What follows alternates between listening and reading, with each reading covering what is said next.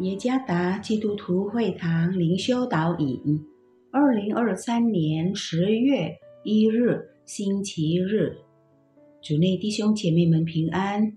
今天的灵修导引，我们要借着圣经以弗所书第五章第一到十四节来思想今天的主题：曾经黑暗，现在光明。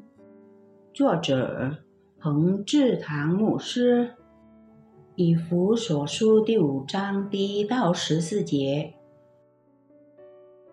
所以你们该效法神，好像蒙慈爱的儿女一样，也要凭爱心行事，正如基督爱我们，为我们舍了自己，当作馨香的供物和祭物献与神。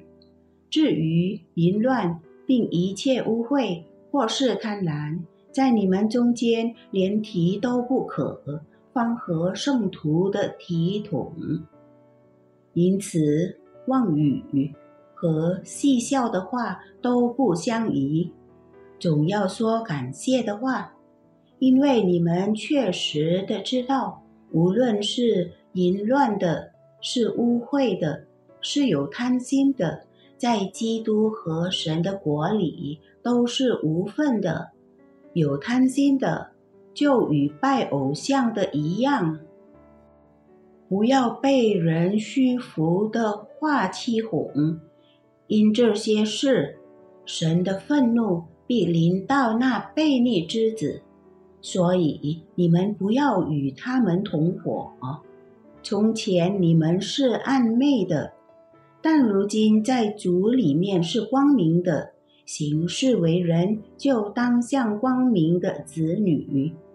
光明所结的果子，就是一切良善、公义、诚实。总要查验何为主所喜悦的事。那暧昧无益的事，不要与人同行，倒要责备行这事的人。因为他们暗中所行的，就是提起来也是可耻的。凡是受了责备，就被光显明出来。因为一切能显明的，就是光。所以主说：“你这睡着的人，当醒过来，从死里复活，基督就要光照你了。”我来自一个非基督徒家庭。当我未认识基督时，我曾经欺骗、说脏话、赌博、撒谎，甚至偷窃。不过，我并不觉得这些事情是罪过。当我决定信主耶稣时，我的心受到了光照，我开始认识到自己的罪过。相信之后，我开始不在学校作弊，我不再说脏话、赌博、撒谎和偷窃。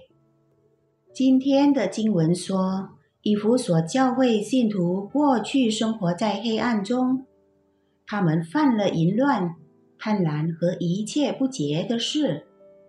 他们说淫词、妄语和戏笑的话。他们是妓女。不洁之人，贪婪之人，拜偶像的人，不能承受神的国。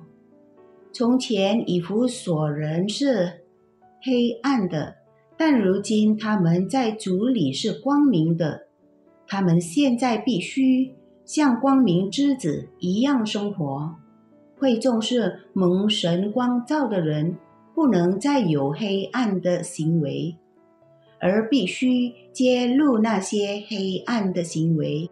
从本质上讲，保罗教导以佛所会众不要像以前那样生活，因为他们生活在黑暗之中，充满了罪恶。相反，他们必须生活在神的光中。他们不可像愚昧人，而要像智慧人。他们必须。充分利用所拥有的时间，他们的生活不应该再像以前一样在黑暗中度过。现在他们为神而活，活在光明中。在基督光照我们黑暗的心之前，我们也犯下了各种污秽的罪恶。通常，我们甚至没有意识到自己的罪孽，直到我们的心受到光照，才意识到这一点。信主之后，我们就被赋予了离开黑暗的能力，能够生活在光明中。因此，我们不能再回到黑暗中生活，而必须生活在光明中。我们的状态和以前不一样了。我们现在是光明之子。为了让我们能够继续生活在光中，我们必须始终与光本体保持联系。透过安静的时间阅读圣经和祷告，我们将永远与基督联系在一起。当我们始终居住在基督里，我们就能仍然生活在光中。之前我们是黑暗的，如今我们在基督里是光明的。主耶稣赐福。